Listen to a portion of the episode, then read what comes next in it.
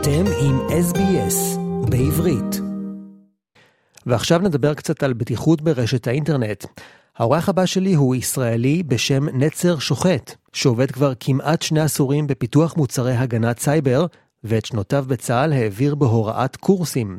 עם נצר נשוחח על נושא הביטחון ברשת, וגם נשמע על ספר חדש שיוצא לאור ממש בימים אלו, ספר שיעניק לכם עולם מושגים עבור השיח הנדרש להנגיש לילדים את נושא הבטיחות ברשת. שלום נצר. שלום, שלום. ותודה שאתה מצטרף אלינו היום. בוא נתחיל ממך, תספר לנו בבקשה בקצרה על עצמך. אז ככה, אני אה, בן 45, אני אה, נשוי ואב לשלושה ילדים. אני עובד בחברת צ'ק פוינט, שהיא חברת cyber אה, security, נדבר תכף אולי קצת על מה זה אומר, אבל uh, כתבתי ספר שלמרות שהוא דומה למה שהחברה שלי עושה, הוא בעצם נושא קצת אחר. הוא על cyber אה, safety, הוא על הבטיחות ברשת של הילדים שלנו, וכתבתי אותו אחרי שלימדתי את ילדיי במשך כמה שנים על הנושא הזה. אני בחרתי ללמד אותם ואת ילדי כיתתם על הנושא הזה, והרגשתי ש... יש פה חומר שחשוב גם שהורים אחרים יכירו. אז הזכרת את חברת צ'ק פוינט שמספקת cyber security. אולי חלק מהמאזינים לא מכירים, אבל מה בדיוק המשמעות של המונח cyber security ומה ההבדל לבטיחות שאתה מדבר עליה? מה שבעיקר חשוב להסביר זה אולי את ההבדל בין הדבר שנקרא cyber security לעומת cyber safety. cyber security זה מה שצ'ק פוינט מתעסקת בו, אגב לא, לא בגלל צ'ק פוינט כתבתי את הספר, אבל הרקע הזה בהחלט עזר לי להבין קצת את העולם. cyber security זה כשאני רוצה להגן על, ה, על הנכסים הדיגיטליים שלי, כשאני רוצה שלא יתקפו אותם, ואני רוצה לבנות הגנות שיגנו עליהם. אבל אני מדבר על הבטיחות ברשת של הילדים, שלנו כבני אדם.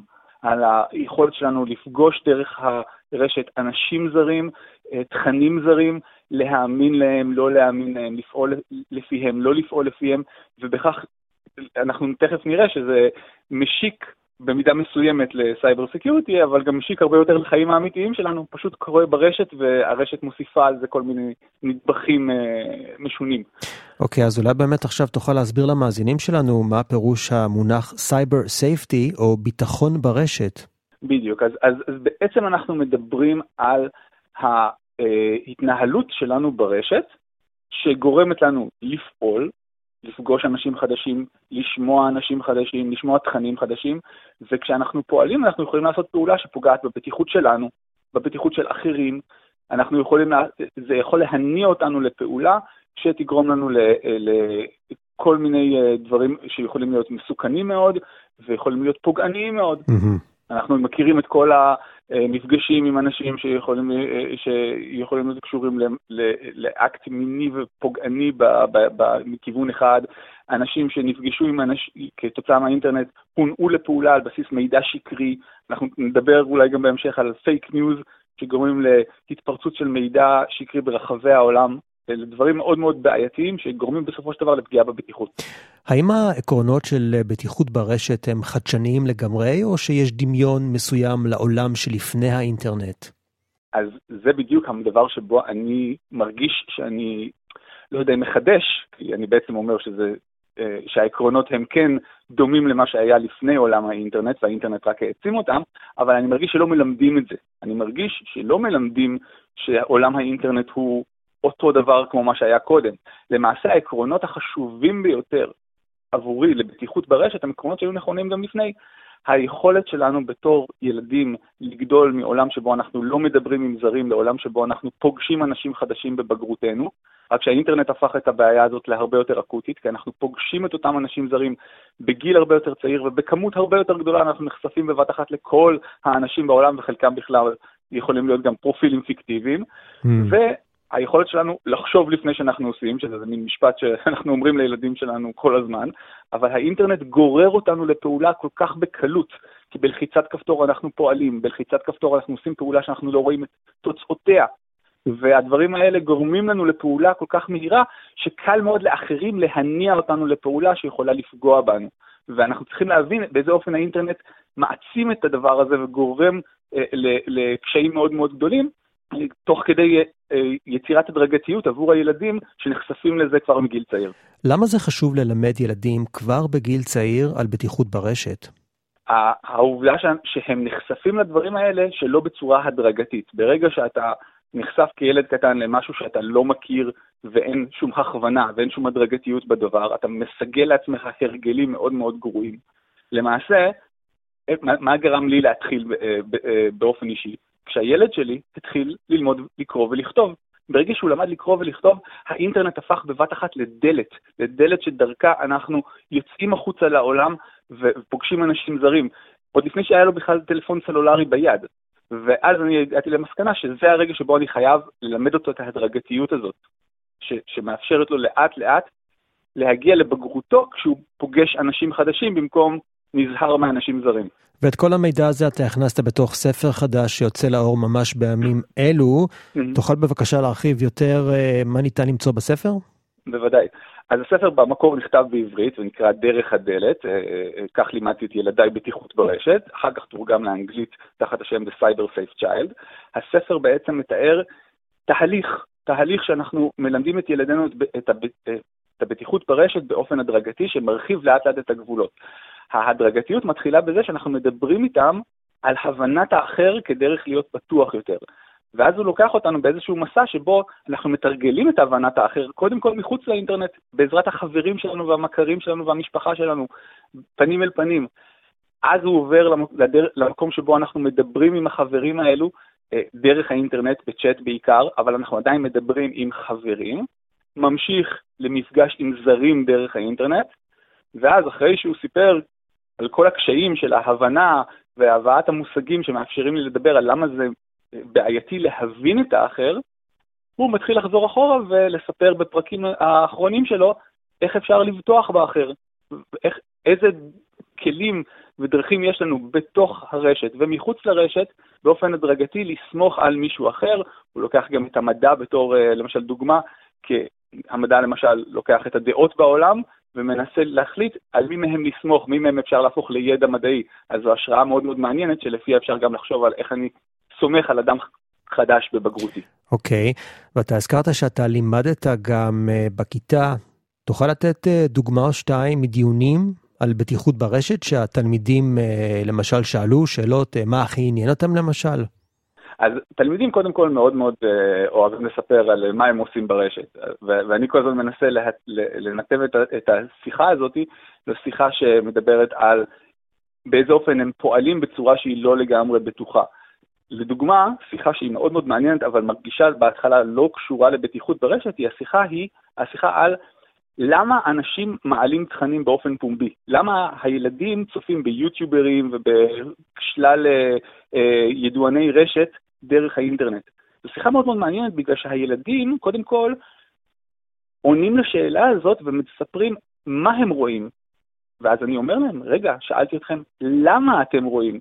ורואים כמה קשה לילדים לשאול את עצמם למה הם פועלים. אז זה פועל בכמה רבדים, כי גם אנחנו מדברים על למה בכלל ידוענים ואנשי אה, רשת מעלים תכנים, איזה סיבה יש להם ולמה זה בכלל מעניין אותי, אבל גם מדברים על הרובד המאוד מאוד עמוק של לחשוב לעצמי למה אני פועל. אם אנחנו יודעים לעשות את הפאוזה ולשאול את עצמנו למה אנחנו פועלים, אנחנו עוצרים, אנחנו שוברים למשל העברות ושיתופים שיכולים אחר כך לגרום לפייק ניוז. אנחנו עושים הרבה מאוד דברים שמאפשרים לי אחר כך להיות הרבה יותר בטוח ברשת. זו למשל דוגמה מאוד מאוד מעניינת ו- ודיון שהוא תמיד מאוד מאוד אה, אה, הולך לכיוונים שונים ומשונים. מאוד מעניין. אני רוצה רגע לדבר על הלחימה בישראל. האם המאורעות שהתרחשו ב-7 באוקטובר חידדו את החשיבות של כל הנושא הזה של אה, בטיחות ברשת? אני, אני חושב שבוודאות הם חידדו, הם חידדו כמה דברים. הם חידדו את העובדה שבטיחות ברשת היא דבר סופר קריטי, בגלל שברגע שיש פעולה מכוונת לפגוע באנשים, בילדים, אה, ברחבי, אה, ש, שהם יהודים וישראלים, אז אנחנו צריכים יותר להכיר את הגבולות שלנו. והדבר השני זה שאנחנו גם רואים כמה העולם סביבנו קצת נסדק. ופתאום אנשים מונעים לפעולה על משהו שאנחנו מרגישים שהוא מידע שקרי לחלוטין, מונעים להפגנות, מונעים ל... ו- ואנחנו רואים באיזה אופן חוסר היכולת שלנו לעצור את התפשטות המידע הזה, גורמת ממש לסכנה בטיחותית, לסכנה לבטיחות והקיום של מדינת ישראל. ולכן גם אני, מאז ה-7 באוקטובר, כשאני מלמד ילדים, אני קודם כל עושה הרבה קהילות התנדבותיות מול ילדים. מאז השביעי באוקטובר, ובפעולות האלה שהן יותר קצרות מהתהליך שעליו דיברתי, אני בעיקר מחדד גבולות. במקום להגיד רגע איך אנחנו לאט לאט מרחיבים את הגבולות ככל שאנחנו מתקדמים, אני יותר מחדד אותם ומסביר איפה המקומות שבהם ילדים פוגשים את המכרים שלהם, ולעומת המקומות שילדים פוגשים את ה... יכולים לפגוש אנשים זרים ולכן הם צריכים להיות מחוץ לתחום.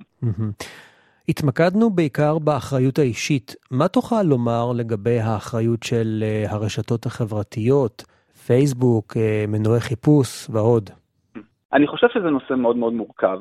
אני חושב שרוב האחריות היא חייבת להיות אחריות אישית, ולו מהסיבה הפשוטה שאם רשת חברתית תבוא ותגיד, רגע, אנחנו לא ביזנס, אנחנו לא מחפשים אה, להרוויח כסף, אלא אנחנו מחפשים לעשות את הדבר הנכון, תקום להם רשת חברתית מתחרה שלא אכפת לה, ואז היא תצליח למשוך אנשים בגלל, שהאחריות, בגלל שלא שמנו מספיק דגש על האחריות האישית. לכן האחריות האישית היא בהחלט 90% מהעניין.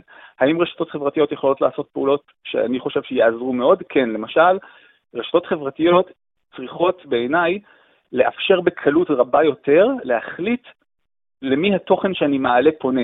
לאפשר, היום כשאתה נמצא ברשת חברתית, אני אומר לילדים, שלהיות ברשת חברתית כמוהו כאמירה שאני אה, מוכן להיפגש עם אנשים חדשים לבד, עם אנשים זרים בכל, בשלל גילאים. כי אי אפשר לעצור את זה. הרשת החברתית אינה בנויה, אה, בניגוד ללמשל צ'אט כמו וואטסאפ, היא אינה בנויה על היכולת שלי לדבר רק עם חברים שלי, לבנות קהילה שהיא רק של החברים שלי. אפשר לעשות את זה, אבל זה הרבה יותר קשה. אם יש משהו שרשתות חברתיות היו יכולות לעשות, זה להקל על היכולת לבנות קהילות שהן רק שיחה שלי עם הפרופילים שאני יודע שהם חברים, שייכים לחברים שלי. אוקיי. Okay. נצר, חוץ מהספר שיוצא לאור בשבוע השני של פברואר, האם אתה עוסק בעוד פרויקטים או שכל כולך מתמקד כעת בנושא הזה של הביטחון ברשת? אני כרגע מתמקד בהפ... בהפצת הידע הזה על הספר. אני חושב שמה ש... מה שאני, מה...